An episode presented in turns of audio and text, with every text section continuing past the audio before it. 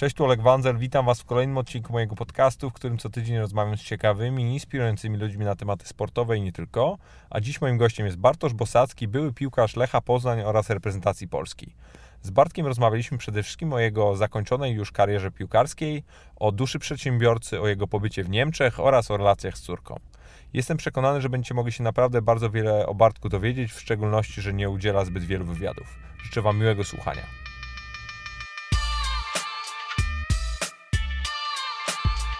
Cześć Bartek, cieszę się, że, że wpadłeś tutaj ze mną pogadać i, i no, przyjechałeś z dalekiego Poznania, tak to trzeba powiedzieć. Dzięki bardzo za zaproszenie. Może tak z dalekiego to aż, aż nie tak bardzo, ale też często jestem w Warszawie.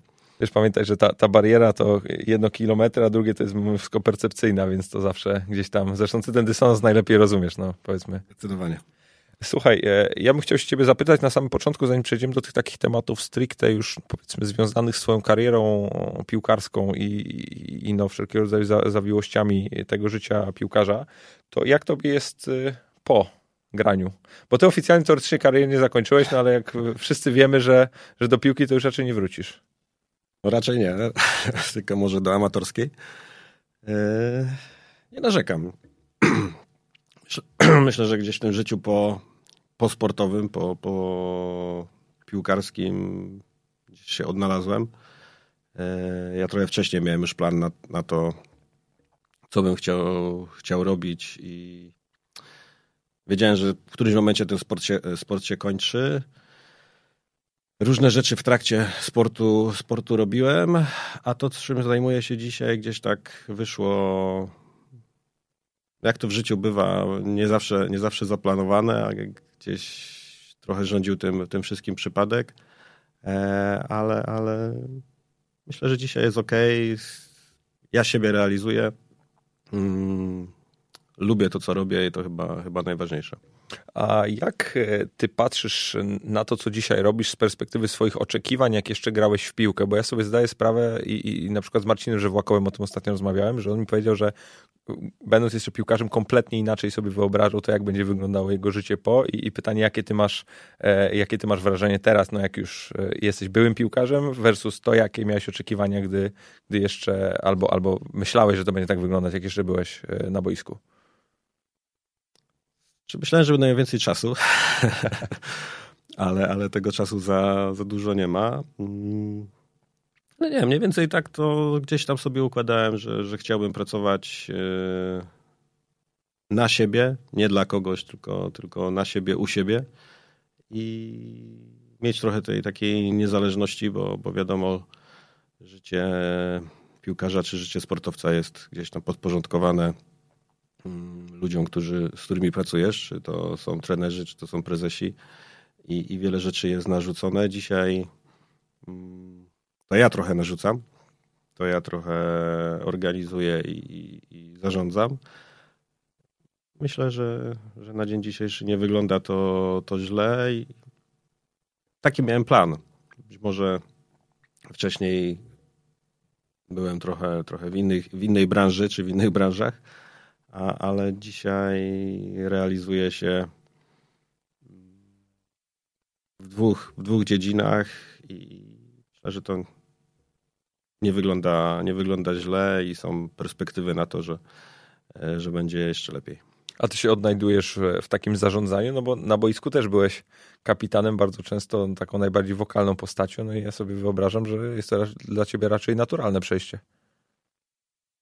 Czy powiem szczerze, ostatnio właśnie miałem taką dyskusję ze znajomymi i wiele rzeczy z tak zwanej szatni można przełożyć właśnie na, na takie życie, funkcjonowanie prowadzenie jakiejś, jakiejś działalności. Myślę, że tutaj dużo, mm, dużo czerpię z tego z takiego doświadczenia sportowego. Wiadomo, że dużo pomaga organizacja, która musiała być, czyli, czyli taka dyscyplina, czy to na boisku, czy poza boiskiem, to musiało być i dzisiaj tą, tą dyscyplinę też staram się, e, przede wszystkim wymagam od siebie tej, tej dyscypliny. E, staram się wszystkich traktować nie, nie z góry, tylko, tylko tak funkcjonujemy, że wszyscy są, e, są równi i myślę, że to, to się jakoś sprawdza. Ludzie się nie zwalniają, więc, Więc, Ty też ludzi nie zwalniasz? Rzadko się to zdarza. Więc fajnie. A czy ty na przykład z takiej, bo, bo, mówiłeś o tym, że zawsze chciałeś pracować na swoim, ja gdzieś to też rozumiem i, i na przykład dla mnie też to zawsze było ważne, ale uważasz, że to, albo jak czujesz, czy to wynika raczej z tego, że od zawsze tego chciałeś i to była gdzieś twoja droga, czy raczej kwestia tego, że byłeś świadomy, że nigdy nie, tak naprawdę nie, nie będziesz w stanie się podporządkować? Czy to nie jest, że się nie będę w stanie podporządkować, bo się podporządkowywałem od... Yy czwartej klasy szkoły podstawowej i gdzieś ten, w tym kieracie sportu byłem. Yy, zawsze miałem swoje, swoje zdanie. Być może to, to prowadzenie, nazwijmy to, swojej działalności też wynika z tego, że mm, i mój dziadek, i mój, mój tata w tamtych czasach, czyli w czasach, kiedy ja byłem, byłem dzieckiem, byli tak zwanymi prywaciarzami i mieli jakieś swoje działalności i pewnie to też ta, ta, ta moja historia z tego, z tego wynika. E, nie, nie, nie próbowałem tego, że nie wiem, pracuję od godziny 8 do, do 16, czy od 9 do 17, albo dłużej. Mm, nie próbowałem tego, ale pewnie jakby trzeba, no to, to do wszystkiego można się przystosować. Raczej nigdy nie miałem problemów, żeby gdzieś tam zafunkcjonować, czy, czy w jakiejś grupie, czy w jakimś miejscu. Może kiedyś przyjdzie taki czas, że, że będę chciał albo musiał takiego, takiego funkcjonowania spróbować, ale na szczęście dzisiaj, dzisiaj korzystam z takiej swojej wolności, e, że nie jestem zobligowany, że muszę być tu, w tym miejscu, tylko, tylko bardziej ja decyduję, czy, czy robię to, czy, czy robię inną rzecz. Ale to też wiąże się z tym, że, że tego czasu jest, jest mało. A czy miałeś jakiś taki moment wiem, przełomowy, w którym e, no, postanowiłeś, że zaczniesz dbać o to, co też będzie po, po karierze, czy, czy to gdzieś tam było zawsze naturalne i, i przyszło jakoś samo? Co to było naturalne i to też wynikało z tego, że ja do tego sportu i pewnie dzięki temu też udało mi się osiągnąć to, co, co, co osiągnąłem. Podchodziłem jako nie do takiego, nie wiem, jestem w tym kieracie, muszę, mhm. muszę to robić, tylko zawsze się ze mnie śmiali, jak mówiłem, że traktuję to trochę zabawowo i, i cieszę się, że mogę robić coś, co sprawia mi wielką przyjemność, bo tak, tak było. I myślę, że w wielu sytuacjach podejmowaniu jakichś decyzji było mi łatwiej. W podejmowaniu, nie wiem, odrzucaniu propozycji transferowych, czy, czy nie wiem, tak jak przed Mistrzostwami Świata, powrotu do, do Lecha, który gdzieś tam się borykał y, z problemami finansowymi, a, a ja ten sport zawsze stawiałem na pierwszym miejscu, te pieniądze były gdzieś tam fajnie, że one się, e, się przy tym sporcie towarzyszyły temu, temu sportowi, ale nie były takim wykładnikiem tego, że to, dobra, wszystko podporządkowuję pod to, żeby zarabiać więcej, bo, bo no zdecydowanie więcej zarabiałem w Norymberdze, ale potrafiłem z tego zrezygnować, wrócić do, do Poznania, żeby sobie stworzyć szansę wyjazdu na mistrzostwa. I gdzieś mi to, ten sport wydaje mi się, że, że oddawał. E, no i na pewno w trakcie, bo już nawet przed wyjazdem do, do Niemiec, gdzieś tam byłem byłem wiązany z tym, że, że Bosacki buduje stadion w Poznaniu, ma firmę budowlaną, ale, ale tak akurat nie było. Gdzieś tam, powiedzmy, ten stadion się przewijał przez, przez moją rodzinę, ale ja nie miałem za dużo z nim wspólnego, czy właściwie nic, z budową tego stadionu. Ale jeśli chodzi o jakąś tam firmę budowlaną, no to, to prowadziłem tą firmę w trakcie, w trakcie grania. Wyjeżdżając do Niemiec, to, to się wszystko zmieniło. Ale co, bo dlaczego? Bo, bo, nie miałeś czasu tym zarządzać? Czy nie było kogoś, kto by wziął to w swoje ręce? Bo zakładam, że trudno jest to z Niemiec po prostu, że tak powiem, trzymać za, za twarz. No trudno trzymać. E, budowanie i, i, zarządzanie ekipą murarzy, tynkarzy też nie jest łatwe. Także no to gdzieś przez te dwa lata, kiedy byłem w Niemczech, zaczęło się rozjeżdżać i, i też była taka decyzja, że mm, że rezygnuję z tego. Potem gdzieś takie rzeczy realizowałem też, też siebie, ale, ale też y, nie było czasu na, na budowanie czegoś i, i tak jak powiedziałem na początku, gdzieś z przypadku mm, zaangażowałem się w Centrum Rehabilitacji w Poznaniu. Przez to, że złapałem kontuzję i się w tym centrum, centrum pojawiłem i od słowa do słowa z y, dzisiejszym moim wspólnikiem doszliśmy, co można zrobić więcej, co, jak to można rozwinąć. No i tak rozwijaliśmy, że, że staliśmy się największym centrum rehabilitacji, stricte rehabilitacji w Poznaniu, bo, bo są inne firmy, ale one też bazują na, na lekarzach. My mamy tylko rehabilitantów i osteopatów i, i staliśmy się najwięksi. Więc to jest coś, e, coś fajnego. I przy tym też w przypadku, kiedy Lecho, Lechowi zabrakło sponsora przez to, że, że zmienił się, zmieniła się ustawa, Eee, Bukmacherska, bo to wtedy było po, po BetClicku, prawda? BetClick musiał się właściwie spakować z dnia na dzień i, i na szybko trzeba było znaleźć sponsora. Gdzieś tam pojawił się pomysł yy, nawiązania współpracy z S. Oliverem. To, to, ten kontrakt udało mi się, mi się dopiąć i, i po jakimś czasie stałem się współdziałowcem firmy, która obsługiwała wtedy Ez Olivera tutaj w Polsce. No i też tak się rozwija to, to do dzisiaj i też w fajnym kierunku. Pracujemy z fajnymi firmami, więc, więc yy, tak jak powiedziałem. No, nie narzekasz. Nie narzekam, jestem myślę, że w fajnym miejscu i, i mogę się dzisiaj jeszcze wspinać do góry, a nie mm, to, to mi sprawia przyjemność, a nie gdzieś tam biec po, po równym ale to muszę ci przyznać, że jak tak tego słucham, no to jeżeli przez ten cały czas piłka, piłka była gdzieś tą zabawą, czy, czy mimo wszystko no, odskocznią od takiego życia codziennego, które gdzieś tam też prowadziłeś, to to, to kawał, kawał kariery żeś, żeś, żeś tutaj uskutecznił, muszę ci powiedzieć. Bo za, no zobacz, zagrałeś, zagrałeś przez, przez 7 lat, byłeś reprezentantem Polski, jeżeli dobrze, dobrze pamiętam. Zagrałeś grubo ponad 300 meczów w Lechu. Byłeś dwa lata w Niemczech. No, o, o tym pobycie sobie zaraz jeszcze pogadamy, no ale to tak brzmi jak naprawdę ko konkretne dossier. Ja zawsze mówię, że można, było, można zrobić więcej i zdaję sobie z tego sprawę, że można było zrobić więcej, ale też, yy, też nie narzekam. Z tych rzeczy, które, które sobie zaplanowałem, yy, no to nie miałem takich jakichś wielkich porażek i czy które dzisiaj rozpamiętuję, o Jezus, mogło to to wyglądać, wyglądać inaczej.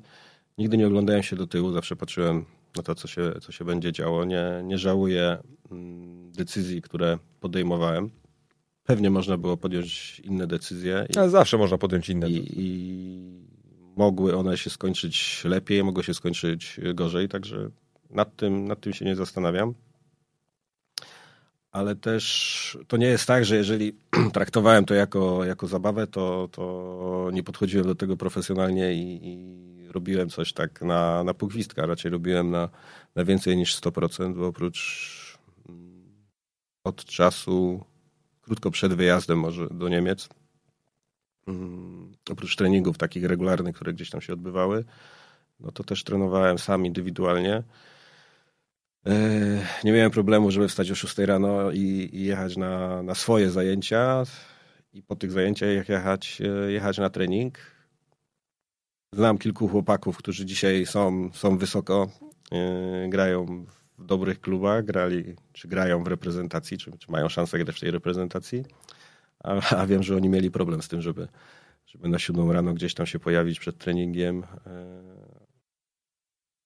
A ja jestem przekonany, że to mi dużo dało i też pozwoliło właściwie bez takich y, wielkich, poważnych kontuzji przejść, zagrać ponad 350 spotkań w ekstraklasie, do tego pierwsze 300 meczów y, zawsze w pierwszym składzie, więc, więc ale mi się też wydaje, że to jest też fa bardzo fajne połączenie z tym tak naprawdę, co dzisiaj, czym dzisiaj zajmuje się twoja klinika, no bo ja zawsze pamiętam, jak też my się poznaliśmy, ja byłem bardzo młody, to, to, pamiętam, że zawsze ty też byłeś takim orędownikiem takich, no, takiego podejścia, żeby za wszelką cenę nie kroić, nie, nie trafić na stół, nie operować, bo zawsze gdzieś tam można wykonać ekstra pracę, żeby faktycznie się, się albo tam wyleczyć, albo tak zabezpieczyć, żeby tych sytuacji nie było. No i, i, i na paru tych twoich treningach, czy tam u tych twoich e, specjalistów o 6 rano też byłem, więc to więc to, to nic tylko czapka z głowy, bo to faktycznie nie były proste rzeczy, nie? To znaczy, ja podchodzę do tego, e, te treningi, które realizowałem rano, miały duży wpływ na to, jak się poruszałem po boisku, jak funkcjonowałem, jak postrzegałem różne rzeczy, ale też dużo w tych zajęciach było profilaktyki, która pozwalała zabezpieczyć się przed kontuzjami. E, zdarzyły, zdarzały mi się kontuzje, e, zerwałem wiązadła krzyżowe, ale mimo, że miałem zerwane te wiązadła krzyżowe, no to też byłem na tyle przygotowany, że do końca nie było wiadomo, czy Mm, czy trzeba zrobić operację i przez pierwszy tydzień gdzieś tam jeszcze próbowałem jakieś funkcjonować, ale była, była decyzja, no trzeba to, to zrobić, bo w którymś momencie może, może to kolano wyskoczyć i może zrobić jeszcze większy, większy bałagan. Szybka decyzja, chyba dwa czy trzy dni e, operacja i, i rehabilitacja, o której gdzieś tam nawet pisali jakieś opracowania różni mądrzy, nie tylko rehabilitanci, ale też, e, też lekarze. A co, bo taka szybka? Czy brutalna, czy niekonwencjonalna? Była szybka, była szybka, była taka, no myślę, że dla, dla zwykłego, zwykłej osoby, która gdzieś tam wstała za biurka i poszła zagrać na Orliku, zerwała wiązadła, wiązadła to, to nie, było, nie była do zrealizowania z racji tego, że ja o 5 rano wchodziłem do wody E, I ta rehabilitacja trwała 8 godzin, 9 godzin, w zależności przez cały dzień. Mhm. Ale zaskutkowało to tym, że po 3,5 miesiąca, właściwie po 3 miesiącach zacząłem już wracać na boisko. Pewnie ktoś tam nade mną czuwał i, i złamałem palec, e, mały palec u nogi. Graliśmy, graliśmy w koszykówkę chyba. Koszykówkę i gdzieś tam kopnąłem koleżankę w piętę. I złamałem ten palec i to, to mnie powodowało, że nie mogłem założyć buta piłkarskiego i, i, i dostałem tydzień wolnego. Taki, żeby też odpocząć, bo, bo ten czas naprawdę był, był trudny. No i co zrobiłem? Wsiadłem w samolot, zapakowałem narty i pojechałem na narty z powiązaniach krzyżowych.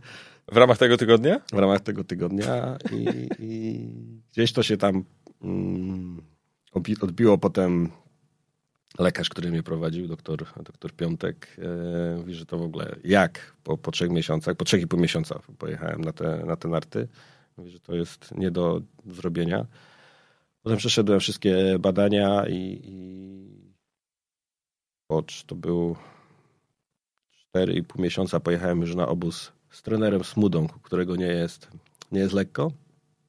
I realizowałem wszystkie właściwie wszystkie rzeczy, które były do zrealizowania, realizowałem.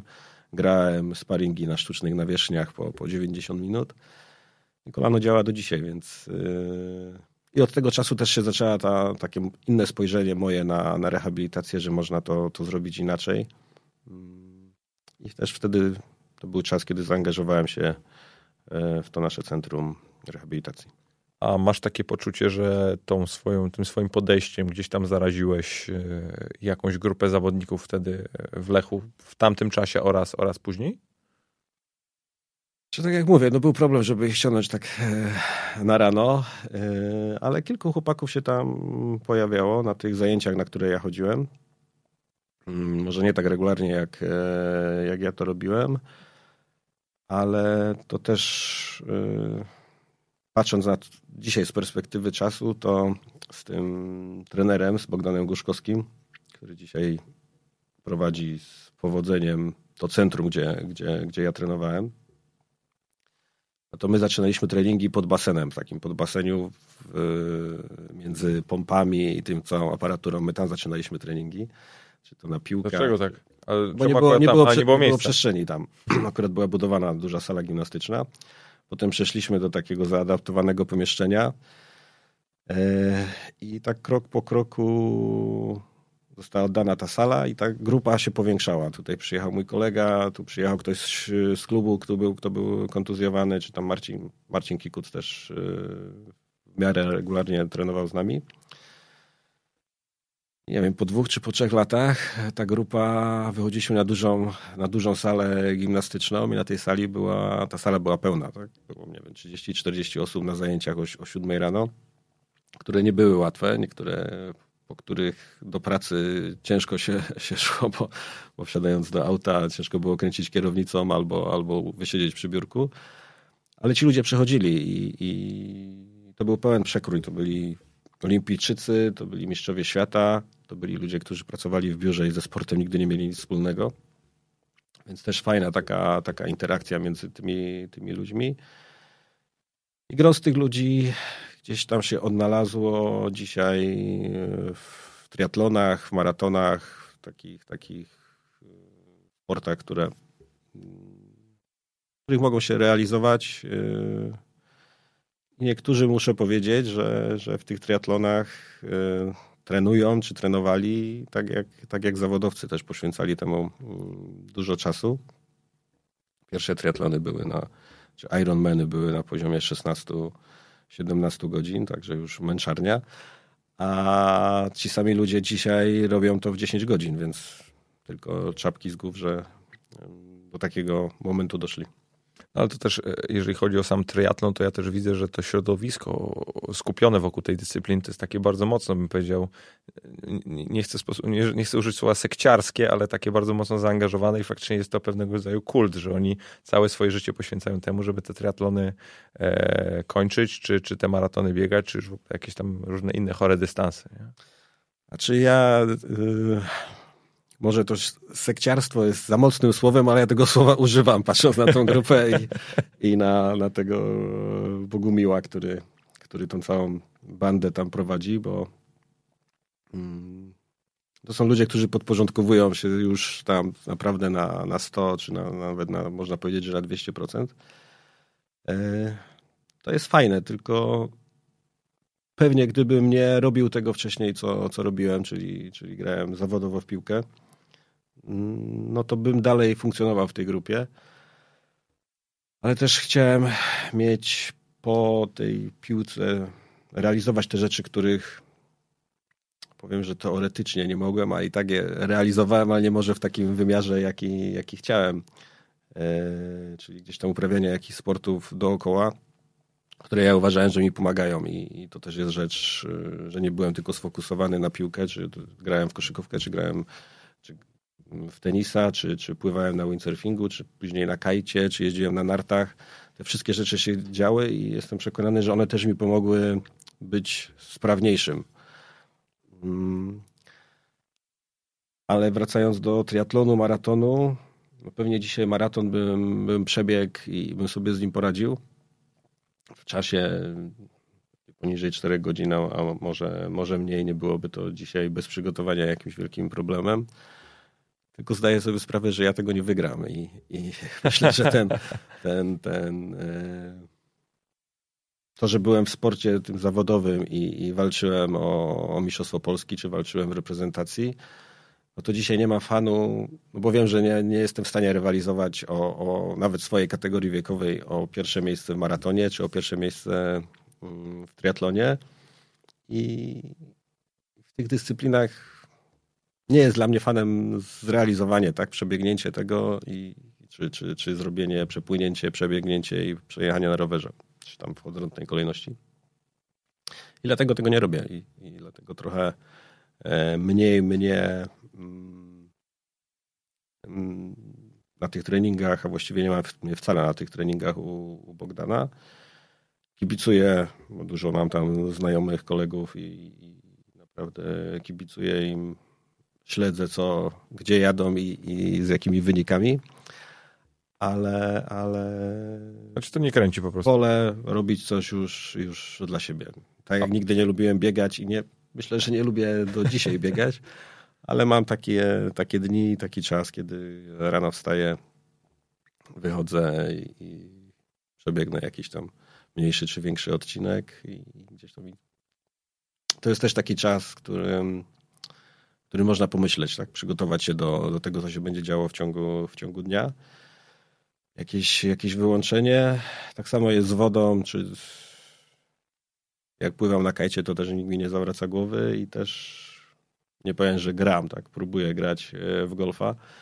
E, I to też jest taka dyscyplina, z której kiedyś się śmiałem, a dzisiaj mogę powiedzieć, że najtrudniejsza dyscyplina, Śmiech przez łzy, co? E, coś wspólnego, ale też to jest taki czas, który, w którym musi się wyłączyć i musi się skoncentrować na tych tam, nie wiem, 90-100 uderzeniach, w zależności kto, kto jak gra przez yy, 4 czy, czy 5 godzin i każde jakieś oderwanie powoduje, że nie grasz jedno uderzenie ponad par, tylko czasami cztery uderzenia i, i, wiesz, co się wydarzyło, tak? Bo to dzwonił telefon, czy, czy zupełnie się gdzieś tam zdekoncentrowałeś. I bardziej, bardziej w takich już indywidualnych sportach dzisiaj się nie powiem, że realizuje, ale uprawiam. A, a, w, a w golfie też ci nie brakuje tego, no, no, tego zwyciężania? Czy raczej tutaj y, praktykujesz małe zwycięstwa, czyli każde kolejne uderzenie jest gdzieś tam dla ciebie takim, taką gratyfikacją? Bo ja, ja, ja też gram, wiem jaki to jest, jaki to jest ciężar. Sprawia mi to ogromny, ogromny problem czasami, żeby się faktycznie skupić na tym. E, no ale też w żadnym stopniu ja na przykład nie aspiruję do tego, by być najlepszym golfistą. Nie? Czego, bo wiem, że nim nie będę, po drugie, że nie do końca, nie do końca tak działa. To, to jest właśnie to że ja gram, bo chcę.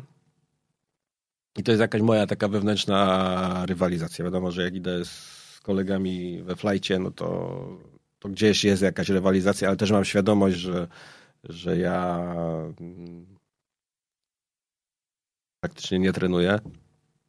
Nie trenowałem, byłem na, na kilku lekcjach i potem to wszystko gdzieś tam wynikało z podpatrywania, e, a, a gdzieś tam mam to, że zapamiętuję ruchy. To też wynika z tego, co, co robiłem przez większość życia, że jest mi trochę łatwiej. I pewnie gdybym trochę potrenował, to, to byłoby łatwiej, byłyby lepsze wyniki i pewnie wtedy bym mógł pomyśleć o jakichś, jakichś turniejach. Dzisiaj, jeżeli gram turniej, to gram w jakimś tam turnieju charytatywnym i, i traktuję to bardzo, bardzo zabawowo, ale, ale mam kolegów, którzy mniej więcej zaczynali w tym samym czasie i dzisiaj są mistrzami Polski, mistrzami Korei Północnej i, i, i, i się realizują. Grają po 200 parę rund w roku. Właściwie wszystko jest podporządkowane e, pod to. E, to jest fajne. No. Każdy gdzieś tam się, się realizuje i to tak jak dzisiaj mm, Dużo mówi się w ostatnim czasie o, o Himalajstach, których ani ja się nie interesowałem, ani pewnie 95% albo nawet więcej społeczeństwa nie, nie żyło tak tym, co, co się dzieje dzisiaj. E, każda dyscyplina sportu, czy to są szachy, czy to jest Himalajs, czy, czy, czy to jest tenis, czy to jest golf, wiąże się z, i z wyrzeczeniami, i z poświęceniem czegoś w mniejszym lub większym stopniu, bo, bo jeżeli angażujesz swój czas taki, nazwijmy to osobisty, no to poświęcasz rodzinę, poświęcasz znajomych, no bo tak to, tak to jest konstruowane. I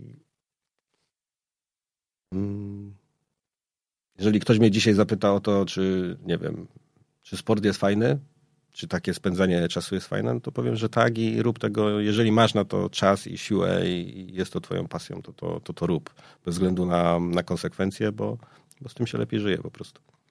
A jak patrzysz na, na swoje dzieci no z perspektywy ojca po karierze sportowej i jak dzisiaj no, starasz się zaimplementować na przykład na swoją córkę jakieś, jakieś swoją, swoją wiedzę czy doświadczenie w tym aspekcie? Ty ją raczej musisz, musisz powstrzymywać przed tym mocnym zaangażowaniem, czy raczej ją e, wspierasz w tym i, i motywujesz do tego, by robiła jeszcze więcej?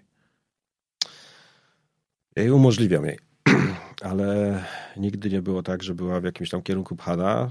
Wynika to z tego, że w ten sam sposób e, ja funkcjonowałem.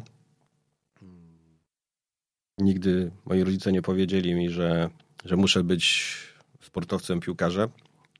A znam takie przypadki i to były bolesne, bolesne, nie powiem, że upadki, tak, ale takie rozczarowanie jeśli coś, coś nie wychodziło. E, I staram, rodzice mi, gdyby nie rodzice, to pewnie nie byłbym w tym miejscu, tak, bo, bo do szkoły miałem kawałek drogi, chodziłem do szkoły sportowej, trenowałem na drugim końcu Poznania i to właściwie dzięki mojej mamie, która nie pracowała, z tatą śmiejemy, że pracowała jako kierowca i woziła mnie w prawo, w lewo, to ona mi dużo, dużo tutaj umożliwiła.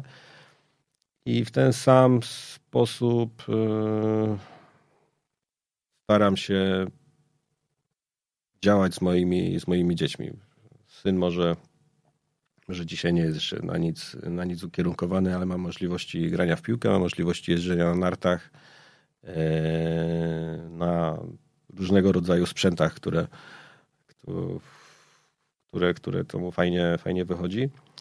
A córka, no za co się zabierze, no ona już jest, jest starsza, ma 13 lat, także już, już powinna być w jakiejś, e, coś powinna robić, być sprecyzowana, no to ona do końca nie jest sprecyzowana, ale, ale za co się zabierze, no to, to naprawdę jej wychodzi.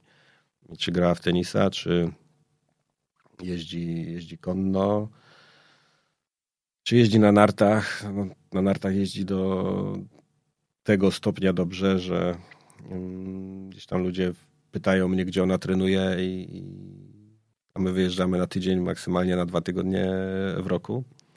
Yy, nie uczęszcza na Maltę w Poznaniu, także to jest tylko taka nauka.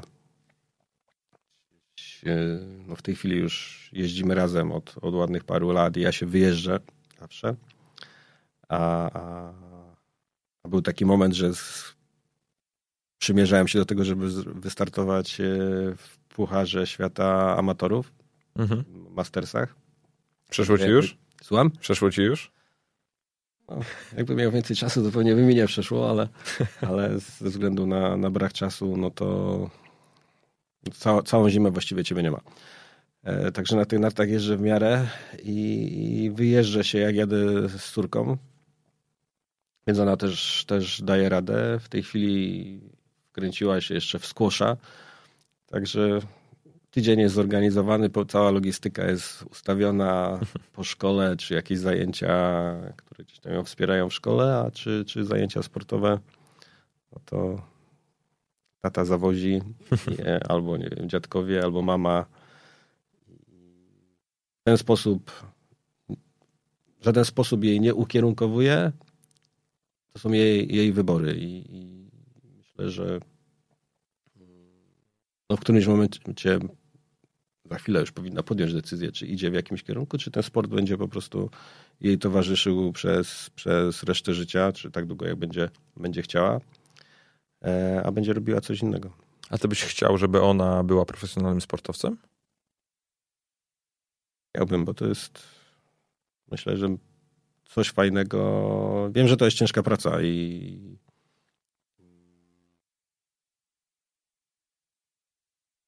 coś, co trzeba do, do czego mieć wiele pokory.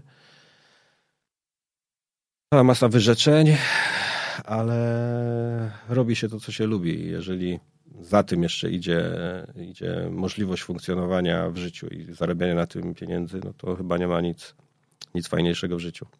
Ja tak sobie właśnie myślałem o tym e, ostatnio z mojej perspektywy, no, jako że ja tak naprawdę w tym przedsionku e, przed, przed tą karierą sportową się, się pożegnałem, to sobie myślałem o tym, że jednak z perspektywy takiego młodego zawodnika nie ma nic lepszego niż faktycznie ta perspektywa, że możesz robić 100% to, co chcesz, zarabiać na tym dobre pieniądze i potem wchodzisz w życie w wieku powiedzmy 30 paru lat, 40 lat i masz spory kapitał, jeżeli tego nie, nie, nie przebalowałeś albo nie zrobiłeś z tym jakichś głupich rzeczy, ale, ale docelowo masz spory kapitał, bardzo wiele możliwości, poznałeś świetnych ludzi, masz super historię do opowiadania, bardzo często już masz w miarę odchowane dzieci, jesteś w stanie wszystko robić tak naprawdę.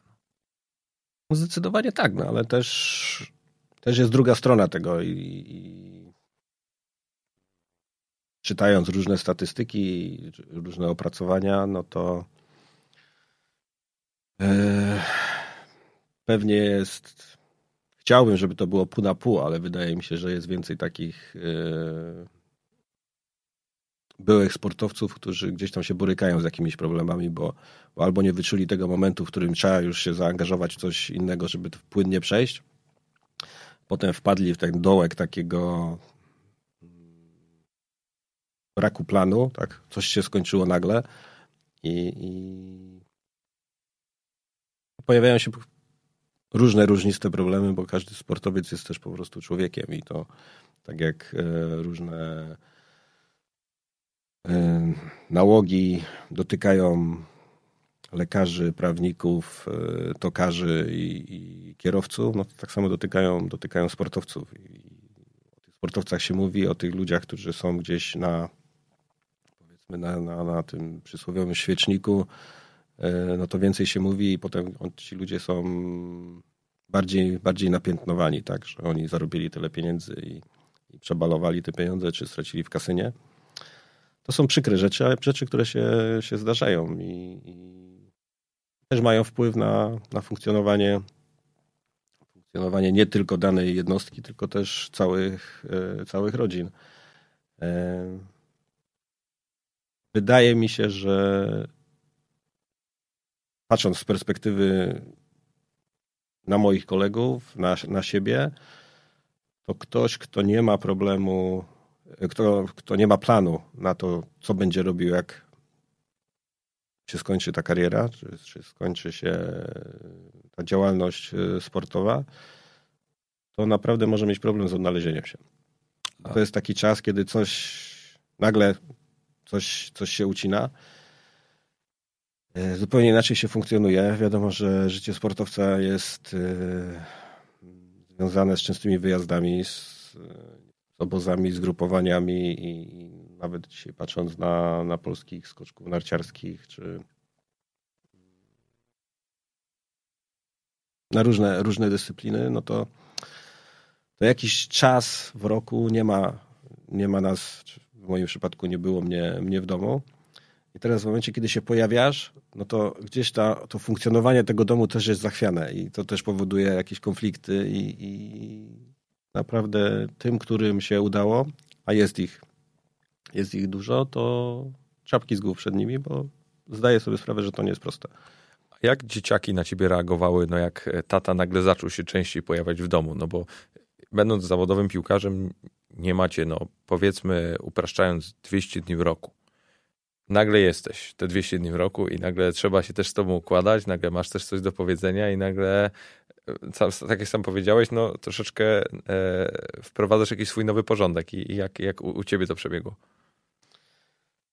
Trzymały się urodził jak e, ma dzisiaj 5 lat, także ja już nie grałem. E, no, o, o, o córce mówię tego. przede wszystkim. Słucham? Ale o córce mówię przede wszystkim, no bo ona już... A córa która jak wyjeżdżałem, to zawsze pytała na ile dni wyjeżdżam, tyle było drzewek narysowanych i ona skreślała drzewka, kiedy, kiedy wrócę i, i, teraz tych drzewek nie skreśla. E, ale ten pierwszy czas na pewno dla niej był fajny, tak? bo, bo było, było mniej więcej. I, i nie wiem, czy to wynikało z wieku, czy, czy właśnie z tego, że, że częściej funkcjonowałem w domu, czyli w tym domu przebywałem wieczorami, czy kładłem ją do spania, e, no to też jak to relacja taty, taty z córką jest, jest zawsze, zawsze fajna, to ta moja mogę powiedzieć, że jest bardzo fajna i, i do dzisiaj się fajnie, fajnie dogadujemy i mam nadzieję, że to tak, tak będzie mm, funkcjonowało. Ale to też wynikało z tego, że żona gra ze mną, czy grała ze mną w piłkę, jeździła ze mną na nartach i, i zawsze była. Mm, ja nie miałem problemu. Też sobie zdawałem mm, sprawę z tego, że jeżeli mnie nie ma, to ten czas, w którym jestem, to jest w 100% dany, dany jej. Jak my jechaliśmy na narty, to ja nie odsyłałem jej do, do szkoły narciarskiej, żeby sobie jeździła za instruktorem, tylko ja z nią jeździłem. Tak? Czy przed nią, czy za nią, czy jakieś jej tam wskazówki dawałem. I to też myślę, ta, tak przeszło, przeszło płynnie. Mm, ona wiedziała, że ten czas, nawet jak grałem, był poświęcany jej i teraz, teraz też będzie. dużo czasu takiego fajnego mamy, mamy swojego. Czy, nie wiem, pływamy na kajtach, czy to, to robimy to, to razem. Mhm. Był czas, kiedy ona chodziła i grała, grała w tenisa z trenerem, ale był jeden dzień w tygodniu, kiedy wychodziliśmy i, i graliśmy razem. Także to, też w jakiś sposób rywalizujemy. Czy na nartach jedziemy, gdzieś tam się ścigamy na slalomach, wiadomo, że, że ona... Cięższy jesteś, to nie fair. No nie fair, wiadomo, że, że nie, ma, nie ma szans. Ja jej też nie daję wygrywać. A to brutalny jesteś. Ale to z drugiej strony, ja to też rozumiem, bo ja też mam, ja mam młodszego brata, który też zawsze aspirował, żeby tam, tam mnie gdzieś podgryzać, ale, ale nie potrafiłem znaleźć sobie aż tyle dozy empatii, żeby pozwolić mu wygrać. Ale to jest fajne, że my zjeżdżamy na dół, ona patrzy i mówi, a to masz jeszcze drobne? jedziemy jeszcze raz tym wyciągiem i, i ona walczy tam, żeby urwać cokolwiek z tego, z tego czasu. I to, to, to, jest, to jest super. No, dzisiaj trafi, jeździmy na hely, pływamy, pływamy na kajcie na, na helu, no to, to no nie ma nic fajniejszego, kiedy, kiedy dziewczynka w zeszłym roku, powiedzmy dwunastoletnia, y, siedzi na wodzie, kiedy nikt już nie, na tą wodę nie wychodzi, bo jest zimno, wieje, jak to, jak to na helu. Y, I warunki są naprawdę takie, że trzeba założyć piankę, czapkę najlepiej. I ona jest dwie godziny, sine usta, ale wraca, biegnie po plaży z takim bananem na, na buzi i, i widać, że jest szczęśliwa. No to, to, to dla mnie najlepsza rzecz. Dobra, słuchaj, ja bym chciał, jako że już tutaj ten powiedzmy aspekt prywatny czy postpiłkarski mamy, mamy powiedział, e, ogarnięty, ja bym chciał bardzo się ciebie zapytać i, i zacząć od tego, od tego etapu, jak ty wyjechałeś do Niemiec, jak ty w ogóle wspominasz ten czas i, i, czy, czy na przykład patrząc z dzisiejszej perspektywy chciałbyś coś zrobić inaczej albo, albo czy jesteś z tego zadowolony? Jak ty na to patrzysz z, z perspektywy dzisiejszego, dzisiejszego swojego doświadczenia? Wyjazd do Niemiec. To... Wbrew pozorom to już trochę czasu temu było, nie? Trochę czasu temu, temu to, to było. To też było gdzieś zrealizowanie, tak? Bo, bo siebie bo przymiarek do moich, mojego transferu była, była cała masa. Mm. Też ja do tego tak podchodziłem. Ktoś tam dzwonił, proszę przyjechać na testy. To był, był taki czas, kiedy jak gdzieś się zaczynałem łapać, trudno powiedzieć zaczynałem łapać, bo, bo ja w 95 roku pierwszy raz dostałem powołanie do pierwszej reprezentacji Potem były jakieś, jakieś przerwy. Ale regularnie grałem. Gdzieś tam pojawiałem się na, w reprezentacji i wychodziłem z założenia, że jeżeli ktoś mnie chce, no to niech sobie przyjedzie mnie zobaczyć i niech sobie podejmuje decyzję, a nie, że ja będę gdzieś, y, gdzieś jeździł. jeździł. E, była też taka historia, kiedy już chyba po sezonie zostałem zaproszony do, do Duisburga. Pojechałem pod wskazany adres wjechałem do, do hotelu i w hotelu wyglądało jak na jakimś castingu, więc nawet nie doszedłem do recepcji, podziękowałem i pojechałem z powrotem do Polski, bo, bo no była cała masa ludzi, która gdzieś tam aplikowała do tego, żeby, żeby się w klubie po, pojawić. Mm. To też wynikało z tego, z tego mojego podejścia takiego nie za wszelką cenę. I kiedy pojawiła się e, propozycja z Norymbergi, no to ja też pojechałem, dogadałem wszystkie rzeczy, ale nie podpisałem kontraktu tam, tylko zabrałem wszystkie papiery i powiedziałem, że zastanowię się po drodze, jak będę wracał do Polski. I, i, i tak też się stało, że potrzebowałem tam dwóch, dwóch dni na to, żeby, żeby ten kontrakt podpisać. Jeśli chodzi o aspekt sportowy, to, to zdaję sobie sprawę, że mogło to inaczej wyglądać. Mm, wiem, co mi przeszkodziło w, w tym, żeby to inaczej wyglądało, ale te dwa lata ja traktuję jako wielką, wielką lekcję nie tylko funkcjonowania w sporcie, ale też, też życia i yy, postrzegania zupełnie inaczej różnych, różnych rzeczy. Dla mnie to była wielka lekcja i, i tego czasu bym nie zamienił na, na nic innego. jeżeli ktoś mi dzisiaj powiedział, że, że ma to samo się wydarzyć, to, mm, to bym powiedział ok. Mimo, że, że naprawdę przeżyłem tam dużo, dużo bólu, dużo niefajnych e, sytuacji, głównie związanych ze zdrowiem e, i, i z walką do, do, do tego, żeby osiągnąć czas, kiedy mnie coś nie boli, czy, czy kiedy, kiedy mogę normalnie, normalnie trenować, tak? Że nie wychodzę rano i mówię, dobra, dzisiaj już nie powinno mnie nic boleć, bo zrobiliśmy wszystko, co, co lekarze powiedzieli. Na ten ból, ból powracał. Ale tak jak mówię, no to dobry, yy, dobry czas, jeśli chodzi o. Ja dzisiaj z tego czasu dużo czerpię, o, w ten sposób powiem. Sportowo zdaję sobie sprawę, że to nie był jakiś, jakiś super czas, bo tych meczów w tej Bundeslidze nie zagrałem jakoś, jakoś dużo.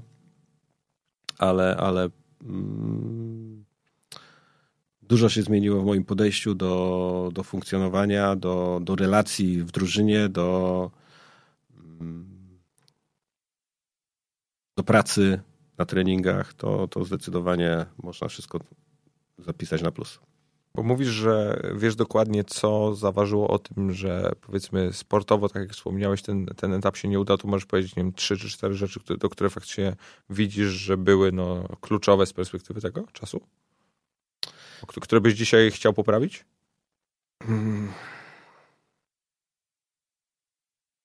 Ja wyjeżdżając założyłem sobie, że będę grał tak jak grałem w, w Ekstraklasie, czyli no, każdy chce grać w podstawowym składzie. No, nikt nie jedzie po to, żeby siedzieć na ławce.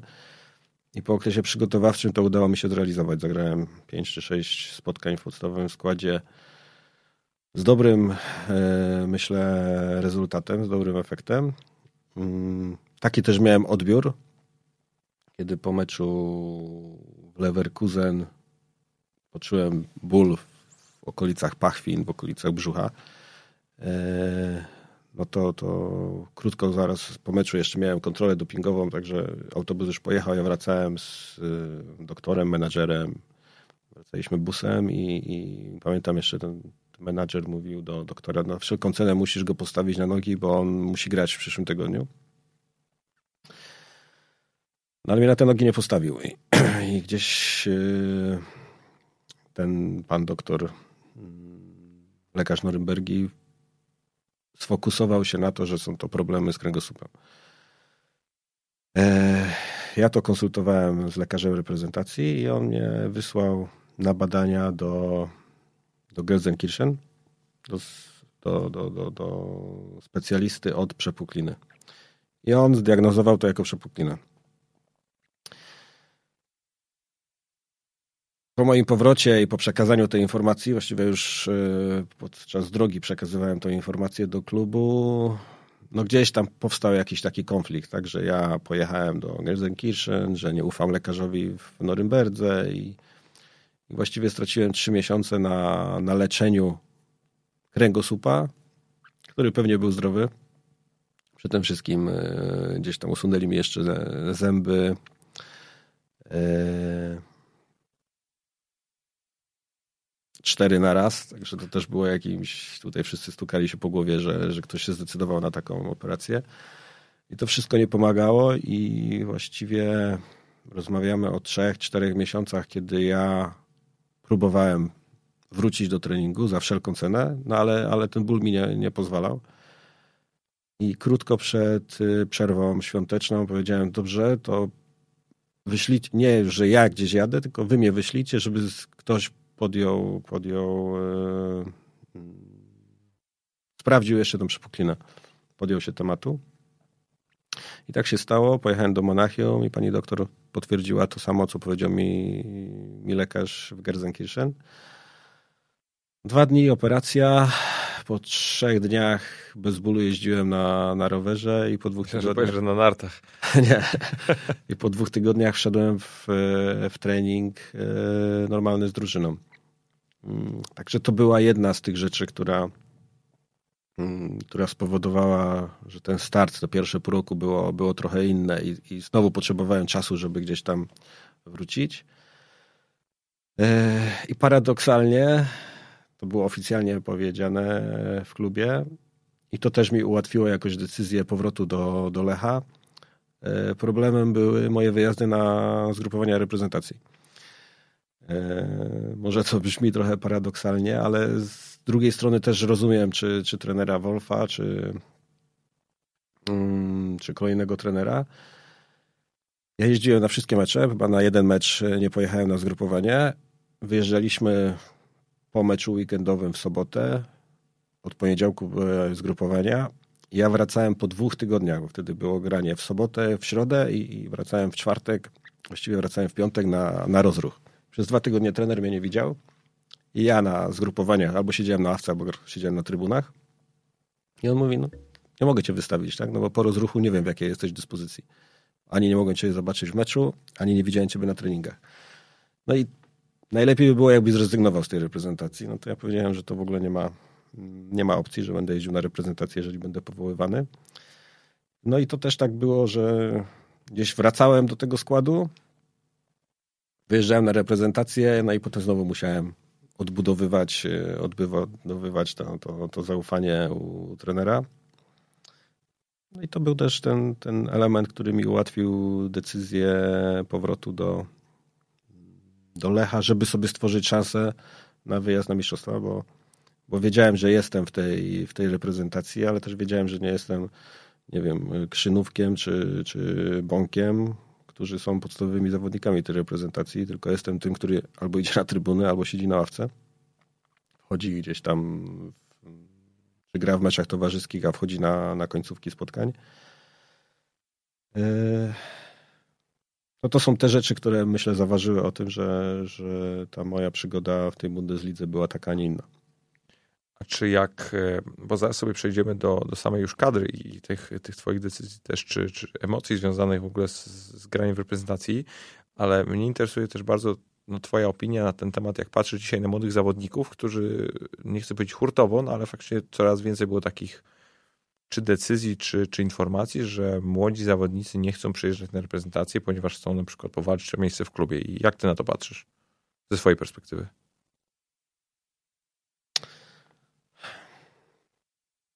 Z jednej strony ich rozumiem,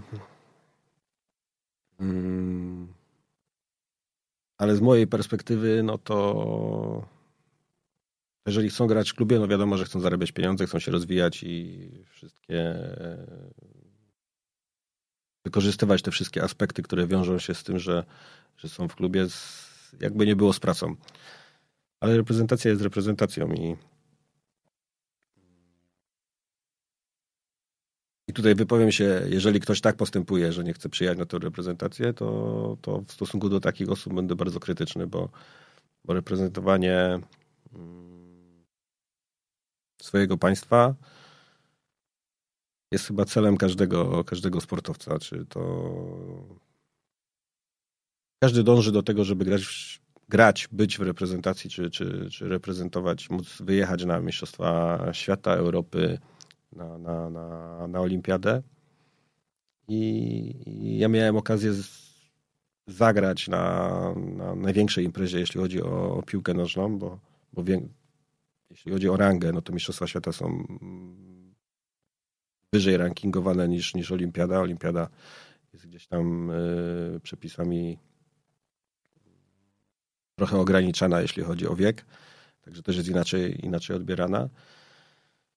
Reprezentować swój kraj na tak dużej imprezie, no to nie wyobrażam sobie, żeby tego nie chciał robić y, jakiś sportowiec, reprezentant, obojętnie w jakiej dyscyplinie. Więc tutaj, jeżeli ktoś tak postępuje, no to ja jestem w stosunku do takich osób krytycznie mm, nastawiony. No dobra, to powiedz mi, jakie ty miałeś podejście w momencie, gdy, no, gdy usłyszałeś, że jednak na te Mistrzostwa Świata nie jedziesz? No bo u ciebie była taka sytuacja, że ty się dopiero tydzień później, jeżeli dobrze pamiętam, no dowiedziałeś, że jednak, że jednak pojedziesz, no to e, co było w twojej głowie w tamtym momencie? No bo tak naprawdę ta, ta twoja droga to wyglądała tak troszkę z piekła do nieba, jeżeli chodzi o, o akurat tamten turniej. Wiadomo, że, że było jakieś duże rozczarowanie i tym bardziej, że jeszcze na ostatnim meczu, w którym grałem, który chyba, pamiętam już teraz, grałem chyba cały mecz. Może nie z jakimś super przeciwnikiem, ale graliśmy z Wyspami Owczymi. Po tym meczu trener Janas podszedł do mnie i mówi, to widzimy się na zgrupowaniu. To był taki sygnał, okej, okay, nie mam tej pewności, ale gdzieś ten proces y, nominacji jest, jestem w tym procesie jeszcze. No ale stało się tak, jak się stało. To był ostatni dzień. My mieliśmy akurat zakończenie sezonu, także kończyliśmy treningi w klubie. Rozpoczynały się wakacje. Ja dostałem tą informację. Musiałem się z tą informacją gdzieś tam otrzepać chwilę. E, A ktoś do ciebie w ogóle zadzwonił? Wieczór. Ktoś do ciebie w ogóle zadzwonił wtedy? Nie, nie, nie. No to... E, bo ja pamiętam, że były wyczytane, ale czy nie, nie, nie, wcześniej nie. dostałeś tę informację? Nikt, nikt, nikt nie zadzwonił. E, jeden wieczór czy jedna noc na, na otrzepanie się. Wakacje, jeśli chodzi o treningi w klubie, ale ja dalej jeździłem na te swoje ranne treningi. Targałem na plecach 250 kilo, robiłem przysiady i inne, inne rzeczy. Przez ten tydzień nie wiem dlaczego. Nie potrafię tego. Dużo się też nad tym zastanawialiśmy. Realizowałem to. No i jak otrzymałem telefon od trenera Skorży, no to, to najpierw pomyślałem, dobra, żart. E, a potem powiedziałem, dobra, to dajcie mi chwilę, bo muszę sprawdzić, jak ja mogę rano być, być w Warszawie. To gdzieś tam zostało potem prze, mm, przestawione e, przez, nie wiem, kto, ktoś napisał, że ja się zastanawiałem, czy, czy chcę jechać na tą reprezentację. A, a ja tego czasu potrzebowałem, czy samochód, czy samolot, czy pociąg jak, jak do tej Warszawy dotrzeć, no bo, bo nie było nawet chwili zastanowienia, żeby na tą reprezentację nie pojechać. Wtedy jeszcze chyba tych autostrad nie było naszych. Nie było. Warszawa, Poznań. Więc Leciałem samolotem. inna, inna rozmowa. No dobra, bo, bo, bo, o samym turnieju to według mnie wszystko zostało powiedziane tak naprawdę. No oczywiście strzeliłeś dwie bramki e, w meczu, w meczu z Kostaryką i, sobie nawet je wczoraj obejrzałem, to to faktycznie takie, takie bardzo w twoim stylu były te bramki tam gdzieś na długi, na długi supek poprzypychane, po, e, ale, ale, ale zakładam, że, że finalnie nie żałujesz tych decyzji wszystkich, co podejmowałeś z perspektywy czasu e, no, w kontekście reprezentacji, no bo finalnie Absolutnie nie. zaprocentowało. Nie? Absolutnie nie. zaprocentowało i dzisiaj tego mi nikt nie zabierze. Tych, tego, tego, co się wydarzyło, tego, co, co przeżyłem, Udało mi się oprócz Ligi Mistrzów zagrać na, we wszystkich rozgrywkach związanych z y, piłką nożną. Udało mi się zagrać w reprezentacji na najważniejszej imprezie, więc y, absolutnie nie żałuję tego, czy Norymbergi, czy nie wiem, wykucania się o czy, czy, czy pokazywania jakiegoś swojego niezadowolenia, mm, kiedy nie grałem, kiedy, kiedy dowiadywałem się dzień przed meczem, czy mogłem wyczytać z tego, jak funkcjonowaliśmy, że, że na następny dzień będę podstawowym zawodnikiem, bo takie, takie przypadki też były. Jeden taki pamiętny na Stadionie Śląskim, kiedy na rozruchu przedmeczowym, tam byłem w tej grupie, która nazwijmy to, występowała w zielonych koszulach, które, które były przewidziane do składu na następny dzień. Wieczorem jeszcze przychodzi pan doktor, który mówi, jak, jak się czujesz, no bo jutro od początku i okej, okay, no dobrze się czuję i wszystko fajnie, idę na, na odprawę przedmeczową i dowiaduję się, że siedzę na trybunach, bo się zmieniła koncepcja. Więc musiałem przełknąć linę i, i cieszyć się z tego, że że jestem w grupie 23 i, i jeżeli dzisiaj rozmawiam z kimkolwiek, czy, czy to są młodzi zawodnicy, czy komuś opowiadam tą, tą, tą, tę historię, to ja się cieszyłem, że, że jestem powołany do tej reprezentacji i odbierałem siebie jako jednego z tych 23, którzy tworzą tą reprezentację, którzy są gotowi na to, żeby, żeby wejść do, do podstawowej jedenastki. Także nigdy nie było, nie było mowy o tym, że jest mi z tym jakoś tak źle, że będę to eksponował, czy będę chodził do trenera i się pytał dlaczego. Tak, tak nie było. No wróciłem, wróciłem z mistrzostw, kiedy wszyscy wtedy powiedzieli, że po meczu nieszczęśliwie przegranym z, z Niemcami i po tej Kostaryce takie były suchy, że skład reprezentacji będzie się zaczynał teraz, teraz ode mnie. Ja pojechałem na jeden mecz za trenera Bachakera. Pierwszy mecz, który prowadził trener Bachaker, pojechałem do Danii, nie zagrałem ani minuty. I potem przez półtora roku czy dwa lata nie było mnie w ogóle w reprezentacji. Nie otrzymałem żadnego powołania. Mm, I też się z tego powodu nie obraziłem. Eee, trafiłem z powrotem do tej reprezentacji. Zagrałem kilka, kilka spotkań za trenera Benhakera i mógłbym być na niego obrażony, mógłbym mówić, że nie dał mi szansy, ale z perspektywy czasu ja dzisiaj mogę powiedzieć, że trener Benhaker jest tej mojej historii związanej z piłką nożną jest najlepszy, najlepszym trenerem, z którym kiedykolwiek pracowałem, czy to w piłce klubowej, czy w piłce reprezentacyjnej. Więc yy, no ja do tego wszystkiego trochę inaczej podchodzę. No dobra, a, a dwa tematy tak naprawdę. Zanim przejdziemy jeszcze do Leo Benhakera, jak ty wspominasz ten mecz z Niemcami? No ponieważ to jest, ja pamiętam, byłem, byłem w ogóle na tym meczu fizycznie, to jak jeszcze mały dzieciak, była skrajna trauma wtedy, jak jak Oliver Neville nam strzelił tę bramkę w tych, w tych ostatnich minutach. Po prostu, śni mi się te sytuacje po prostu po tym mm -hmm. dośrodkowaniu tego Odonkora. E, jak ty to pamiętasz e, z, z twojej perspektywy boiskowej?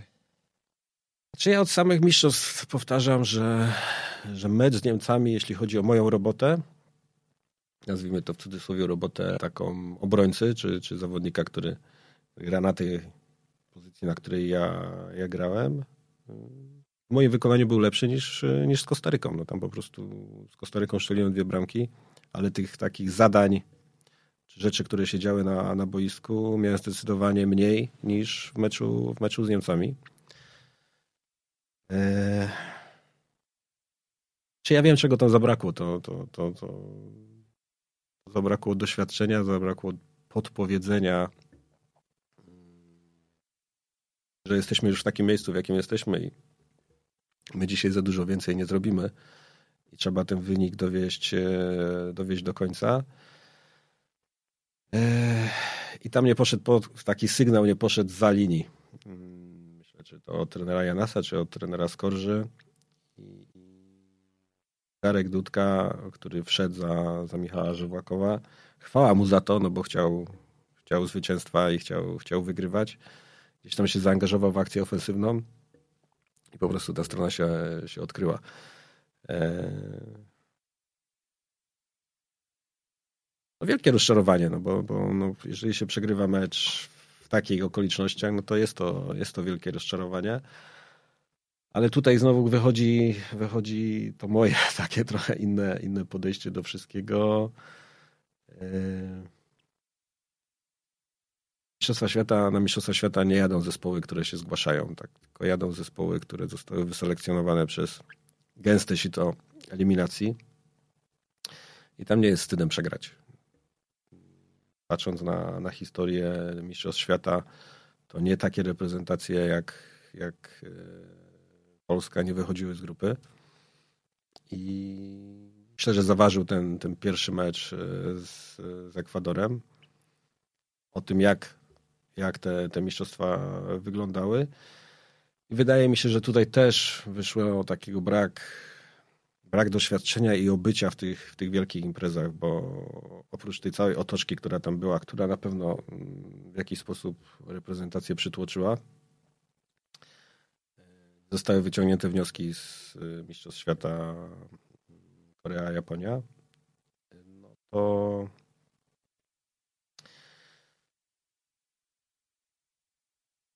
to, to, nasze. Ja to tak odbieram, że, że przeszkodził nam też ten mecz, który odbył się, nie wiem, bodajże w lutym z Ekwadorem. Wygraliśmy w Barcelonie na, na wodzie, wygraliśmy 3-0. To gdzieś pewnie zostało w głowach. Może nie tyle naszych, co w świadomości, świadomości Ekwadorczyków. Czy trenerów? publicznej, A, mediów okay. i, i, wszystkich, wszystkich dookoła, którzy pisali o tych mistrzostwach, którzy przygotowywali do tych mistrzostw. I tam nikt nie pisał o Ekwadorze, tak? Przechodzimy Ekwador, wszyscy pisali i zastanawiali się, jak będzie z Niemcami. A ten pierwszy mecz no, wyglądał tak, jak wyglądał i on w dużej mierze ustawił te, te mistrzostwa. No dobra, to, to przejdźmy do, do Leo Benhakera, ponieważ y, ja się spotkałem z taką opinią wielu zawodników, którzy mieli okazję z, tym trenerem współpracować, że on był naprawdę fantastycznym fachowcem i bardzo pozytywnie go, go wspominają, a on z kolei z perspektywy opinii publicznej wcale nie ma aż tak dobrego, dobrego imidżu. I pytanie, co zaważyło na tym, że ty faktycznie dzisiaj na niego patrzysz no, jako jednego z najlepszych trenerów, z jakim miałeś okazję współpracować? Czy przede wszystkim, jeżeli ktoś trzy razy prowadzi Real Madryt, to, to nie może być przypadkowym trenerem. Oczywiście. Powiedzmy sobie, sobie szczerze, jeżeli potrafi poukładać te gwiazdy, które grały w Realu Madryt, no to, to nie powinien mieć problemu poukładać reprezentacji Polski. I ja go odbierałem, oprócz tego warsztat trenerski naprawdę na, na bardzo dużym, po, bardzo wysokim poziomie. No to w tym wszystkim jeszcze takie ludzkie podejście do, do, do poszczególnych zawodników. Nie do grupy, tylko do poszczególnych zawodników. I takie spojrzenie, wyszukiwanie tego, czego może gdzieś tam e, zabraknąć. Tego zdecydowanie zabrakło trenerowi Janasowi, a trener Hacker myślę, że fajnie pracował z tą reprezentacją i ja go naprawdę za to, za to cenię, za, za takie selekcjoner, selekcjoner nie, nie uczy grać w piłkę jak trener Smuda został, został trenerem reprezentacji, to ja powiedziałem, no, ten eksperyment może się nie udać, bo on jest dobrym trenerem, ale on musi z zawodnikami pracować codziennie, tak? On jest od tego, żeby uczyć jak grać, uczyć młodych i, i on tym, tym żyje. A jak sama nazwa mówi, selekcjoner musi wyselekcjonować, zebrać tych piłkarzy, którzy potrafią już grać, bo skoro, skoro trafiają do reprezentacji, to potrafią grać, ułożyć ich, wykorzystać ich potencjał, i stworzyć z tego maszynę, która, która będzie działała. Myślę, że hacker to miał, potrafił, potrafił to robić. E, I teraz to robi, myślę, z powodzeniem trener, trener Nawałka, który pewnie też dużo, dużo się nauczył, bo jakby nie było, był, był asystentem hakera. A, a, jak ty wspominasz właśnie Adama Nawałkę z tamtych, z tamtych lat? Ty miałeś z nim później jeszcze jakąś styczność i, i widzisz jakąś może ewolucję? Czy, czy on od zawsze na przykład miał bardzo te określone cechy, no, które już dzisiaj gdzieś tam reprezentuje? Czy to ja bardziej, bardziej trenera Nawałkę kojarzę z opowieści tego, jak był trenerem e, klubowym. Górnika. Górnika i Wisły i, to tutaj bardziej, bardziej kojarzę i to, to wszystko, co, o, czym, o czym wiedziałem, no to, to dzisiaj gdzieś tam się przekłada w to, jak reprezentacja funkcjonuje. E, no przede wszystkim kontakt, kontakt z tymi zawodnikami i, i, ta atmosfera, która gdzieś tam jest, jest budowana i myślę, że skutecznie jest budowana. E, a dzisiaj mamy już możemy to powiedzieć, ja to mogę powiedzieć z pełną odpowiedzialnością, mamy gwiazdy w zespole. I te gwiazdy też musz, trzeba, trzeba dopasować, tak, żeby nie było konfliktów, żeby ktoś nie poczuł się urażony, że ten ma tak, czy ten ma tak, czy ten gra, czy, czy nie gra. I dzisiaj ci chłopacy, którzy teoretycznie wy, wydaje się, że powinni grać, a na przykład siedzą na ławce, no to, to nie siedzą na ławce z miną, co tu się wydarzyło, tylko siedzą na ławce z przekonaniem, że są częścią tego zespołu i że w każdej chwili może ktoś z nich skorzystać. Ale z drugiej strony ja też mam takie wrażenie, że nie ma świętych krów w tej, w tej kadrze i każdy też z niej może wypaść. I to też zresztą było pokazane na przykładzie Grzegorza Krychowiaka ostatnio, ale, ale to jest też według mnie jasny sygnał do wszystkich zawodników, że tutaj nie ma grania za zasługi, tylko dyspozycja, dyspozycja 100% Tak powinna funkcjonować reprezentacja i chwała za to trenerowi, na wałce, że, że w ten sposób to prowadzi. Szanuję przede wszystkim siebie, ale szanuję tych chłopaków i szanuję kibiców, tak? Bo, bo selekcjonuje tą reprezentację. Wszyscy narzekali, że trener Nawałka tam rozegrał w jego reprezentacji iluś tam 10, 50, 60 iluś sprawdzał.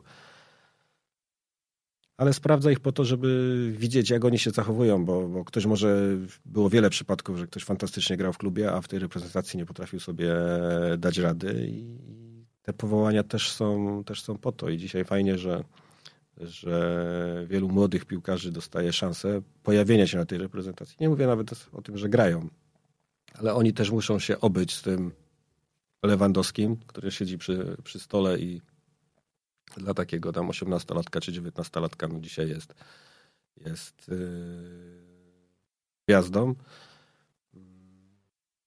Oni też muszą się nauczyć tego funkcjonowania nie tylko na boisku, ale też poza, poza szatnią, na zgrupowaniu. To jest fajne, że trener, trener e, Nawałka znajduje miejsce w tej, tej kadrze dla, dla takich, nazwijmy to, eksperymentów. A jakie dostrzegasz różnice pomiędzy tą dzisiejszą reprezentacją a, a tą twoją? Czy, tam, czy, czy za trenera Janasa, czy za trenera Bernhackera? I to mam, mam na myśli przede wszystkim nie tyle co poziom sportowy, bo to jest raczej, raczej oczywiste i to prosto ocenić, ale tak e, organizacyjny, może pewnie mentalny. Nie wiem, widzisz jakąś zmianę? No tak jak, jak już powiedziałem, trener, trener Janas trochę inaczej fun funkcjonuje i jeśli chodzi o warsztat, jeśli chodzi o ocenę, no to, to nie, przyczepię się, nie przyczepię się do niczego. Ale jeśli chodzi o takie mm, funkcjonowanie grupy, w grupie, e, takie relacje społeczne, no to tutaj, tutaj dużo brakowało. Tego właściwie, właściwie nie było.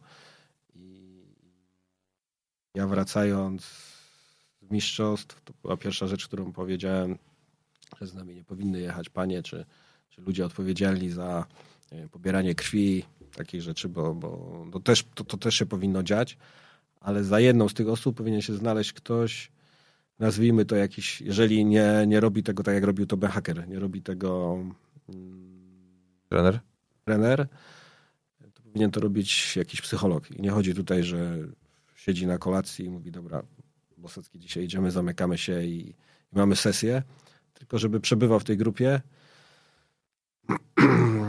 i okiem takim sprawnym patrzył, co się w tej grupie dzieje. Ja mam wrażenie, że na takich dużych imprezach y, muszą być tacy ludzie, którzy gdzieś dbają o ten taki aspekt mentalny. Y, no bo wiadomo, każdy ma gdzieś tam rodzinę. Nas nie było 30 dni w domu pojawiają się jakieś problemy, pojawiają się konflikty, do tego dochodzi zmęczenie i taki wentyl bezpieczeństwa, żeby, żeby był. Trener Hacker to miał, potrafił podejść po, po treningu i, i z tego, jak to się zachowywało na treningu, potrafił powiedzieć, co się dzieje, zapytać, co, co się dzieje. Potrafił podejść po treningu i powiedzieć, sorry, że, że nie wiem, nakrzyczałem na ciebie. Takie sytuacje się, akurat mi się taka sytuacja zdarzyła, że gdzieś tam na treningu po prostu mnie tak zjechał, że lepiej schować głowę i, i, i szatni i się usiąść, założyć bluzę i, i posiedzieć. On mówi, musiałem coś zrobić, bo, bo mi poziom takiej agresji gdzieś tam spadał. Musiałem coś zrobić, coś się musiało wydarzyć. Wiem, że ty sobie z tym dawasz radę, ale ty, ci, którzy byli za to odpowiedzialni, jakbym ich tak potraktował, no to, to bym ich nie podniósł przez tydzień. Że on miał to, to właśnie wyczucie i tego mi brakowało u trenera Janasa. Czy to w klubie, bo w klubie też miałem okazję z nim mhm. pracować, czy, czy w reprezentacji. Bo w klubie, rozumiem, masz na myśli Amikę w tej sytuacji. No, to pytanie mam do ciebie tak w ramach pewnej dygresji. Czytałeś książkę Szamo, Grześka? Nie, nie czytam książek tak. Nie, nie, bo, bo ona, ona wywołała spore poruszenie, ponieważ Grzesiek tam akurat sporo, sporo czasu poświęcił tej, tej amice e, waszej, bym tak powiedział. I, mhm. I wynikało z tego, że to były bardzo barwne czasy. Nie wiem, jak ty to wspominasz. No, były barwne, barwne czasy, ale z tego co wiem, to jeszcze przed moim przyjściem było jeszcze bar, barwniej.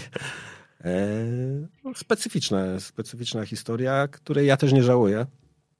Mimo, że, że ten mój transfer odbywał się w takich trochę dziwnych okolicznościach, bo, bo tak się musiało wydarzyć. Pamiętaj, że dziwne okoliczności w tamtym okresie to oznacza nie do końca to, co, to, co może dzisiaj nie, nie, nie. sobie wyobrażać. W dziwnych okolicznościach w takim sensie, że ten transfer zaważył o tym, czy, czy Lech będzie funkcjonował, czy Lecha nie będzie. Tak to, tak to było. I, I, nawet po tygodniu, kiedy ja już byłem we, we Wronkach, no to wróciłem do Poznania i przez tydzień trenowałem, bo tam były jakieś kwestia, kwestia rozliczeń. Ale, ale też dla mnie ciekawy czas, ciekawe, ciekawe doświadczenie. Ja mieszkałem w Poznaniu, także trochę inaczej. Może tej, tej, tego, co opisywał Grzegorz, Grzegorz, tych barwnych rzeczy trochę mniej, mniej widziałem. Ale też zrobiliśmy fajne rzeczy, bo graliśmy w europejskich pucharach. Zagraliśmy kilka fajnych, fajnych spotkań. Ja też za Miki trafiłem do, do reprezentacji za trenera Engela, więc dla mnie nie powiem, że to był jakiś zły czas. A, ale faktycznie masz jakieś takie, takie opowieści, które dzisiaj powtarzasz, czy, czy sobie przypominasz, czy to raczej dla ciebie mimo wszystko było, było spokojniej? Nie, no mam takie opowieści, no to, to, to, to takich opowieści, które gdzieś tam są dookoła nawet, nawet piłki, no to było jest o czym pisać i jest o czym, o czym opowiadać. I dzisiaj możemy się z tego śmiać. Wtedy też się z tego ludzie, ludzie śmiali, ale tak tak e, no na tym poziomie to, to te rzeczy, które się działy, to może się nie powinny wydarzyć. Niech to już zostanie, bo, bo bym wciągnął tutaj nie tylko ludzi z Wronek, ale też e, zewsząd.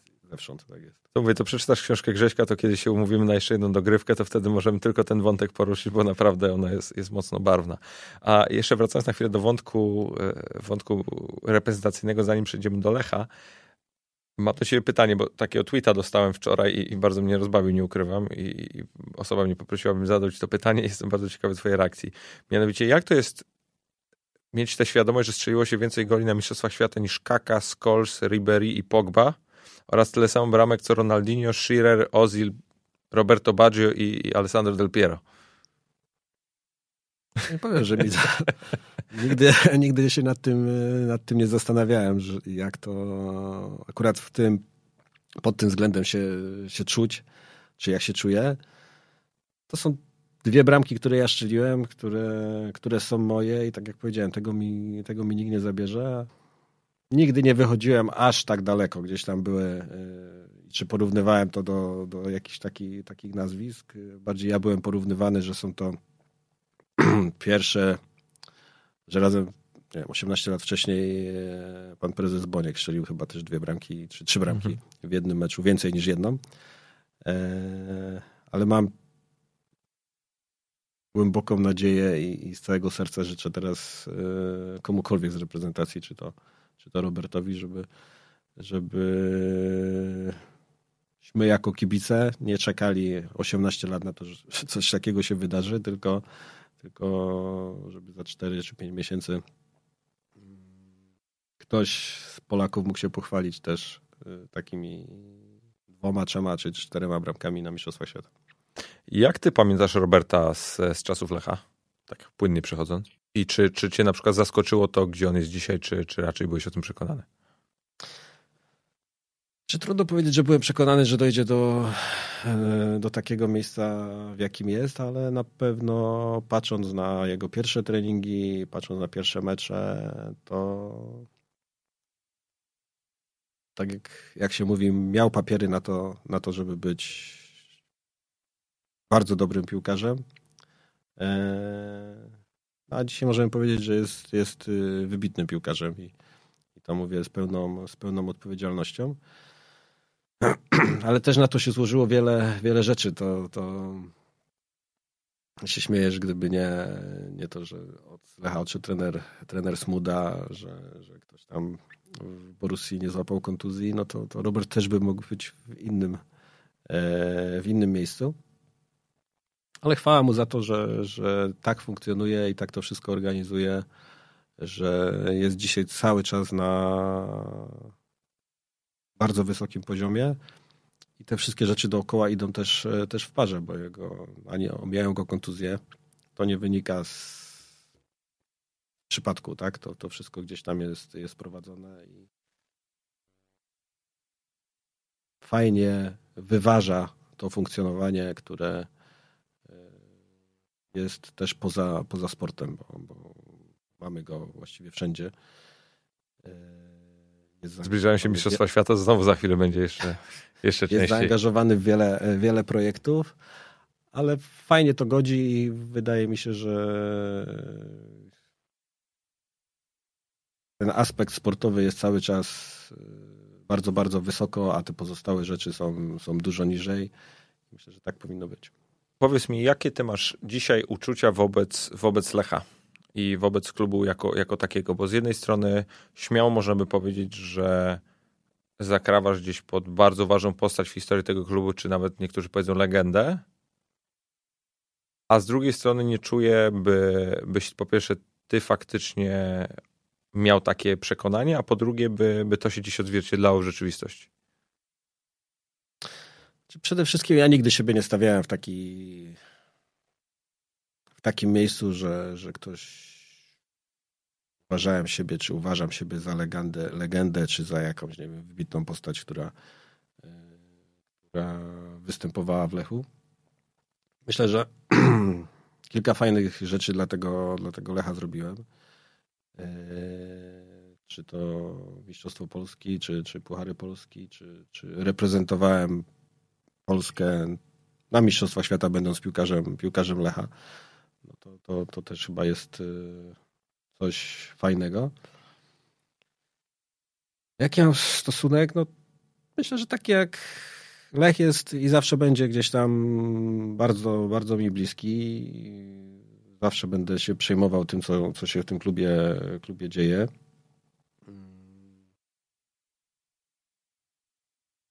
Na początku może bardziej mnie, kiedy, kiedy ta moja przygoda z Lechem się skończyła, bardziej mnie bolały te rzeczy, które, które się w Lechu działy.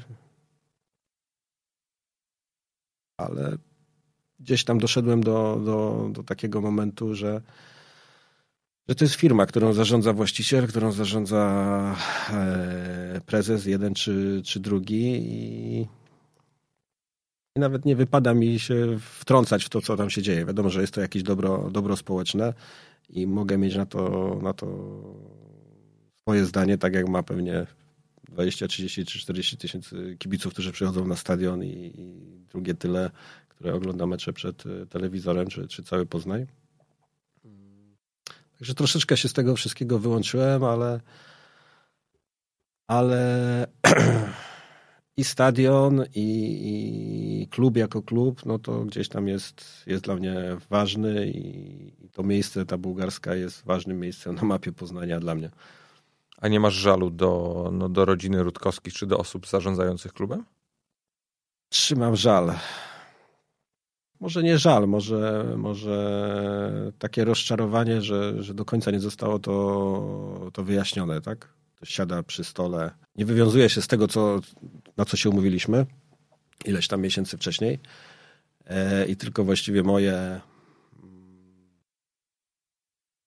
moje też podejście, tak? Bo gdybym wtedy po tym, jak dogadałem warunki przedłużenia kontraktu o kolejny rok, uparł się i powiedział, dobra, to idziemy drukujemy dokumenty, podpisuję, no to, to bym ten kontrakt miał podpisany, a, a ja powiedziałem, ok, jesteśmy dogadani, dla mnie słowo jest, jest ważniejsze.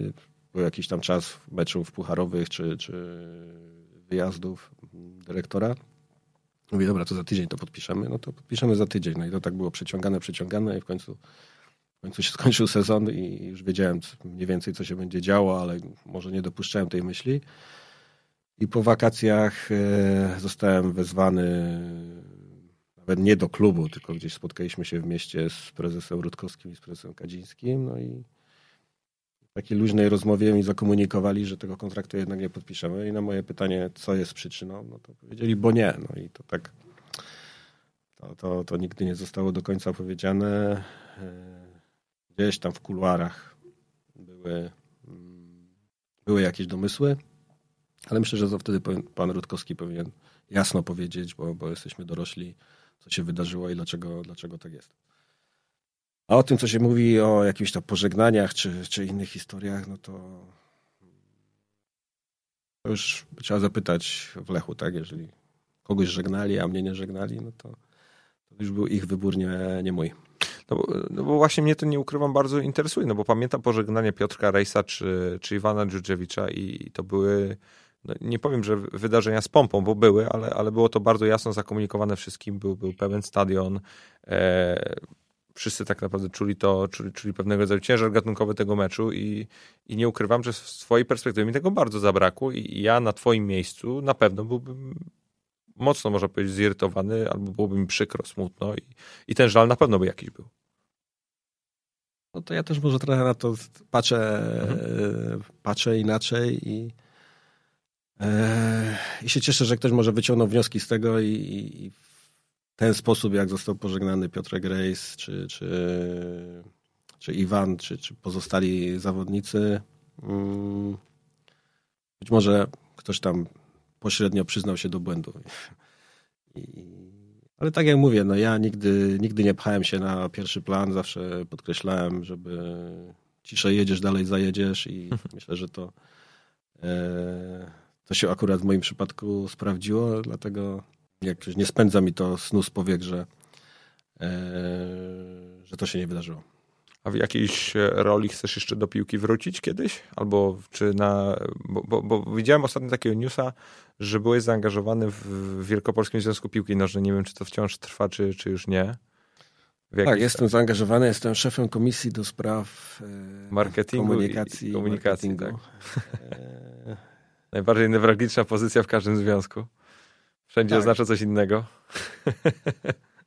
Nie jest to proste, ale, ale no Paweł mnie poprosił, Paweł Wojtala, który został prezesem, poprosił, żeby coś tam spróbować zrobić i, i staramy się jakoś to wszystko układać. Nie jest to, to prosta rzecz, ale, ale mi pomalutku gdzieś tam przesuwamy się do przodu i mam nadzieję, że e, za rok czy za, za dwa lata będzie można coś, będzie się czym po, pochwalić. E, ale nie jest to jakaś rzecz, która, która jakby mi dzisiaj ktoś powiedział, dobra, nie, nie jesteś już, bo, bo wiem, za mało czasu na to poświęcasz, no to, to, to bym się nie rozpłakał i, i długo bym nie, nie rozpaczał. A czy kiedykolwiek coś w sporcie będę, będę robił? Jeżeli będzie taka potrzeba, ktoś uzna, że, że to, co robiłem na boisku, to, to, doświadczenie, które gdzieś tam mam, e, być może powiązane z tym, co robię dzisiaj, komuś będzie, będzie potrzebne, no to zawsze można usiąść i, i rozmawiać. No, trudno, trudno rozmawiać dzisiaj o czymś, czego, czego nie ma. Gdzieś tam pojawiały się chyba półtora roku temu pojawiały się jakieś propozycje z pierwszej ligi, żeby być dyrektorem sportowym, ale, ale to też było związane z zaangażowaniem się czasowym na drugim końcu Polski, więc, więc też to, to muszę wyważyć. No też sobie zdaję sprawę, że, że prowadząc dwie takie działalności, jakie, jakie prowadzę, no to też jestem za, odpowiedzialny za tych ludzi, którzy pracują ze mną i, i, i nie było w ogóle.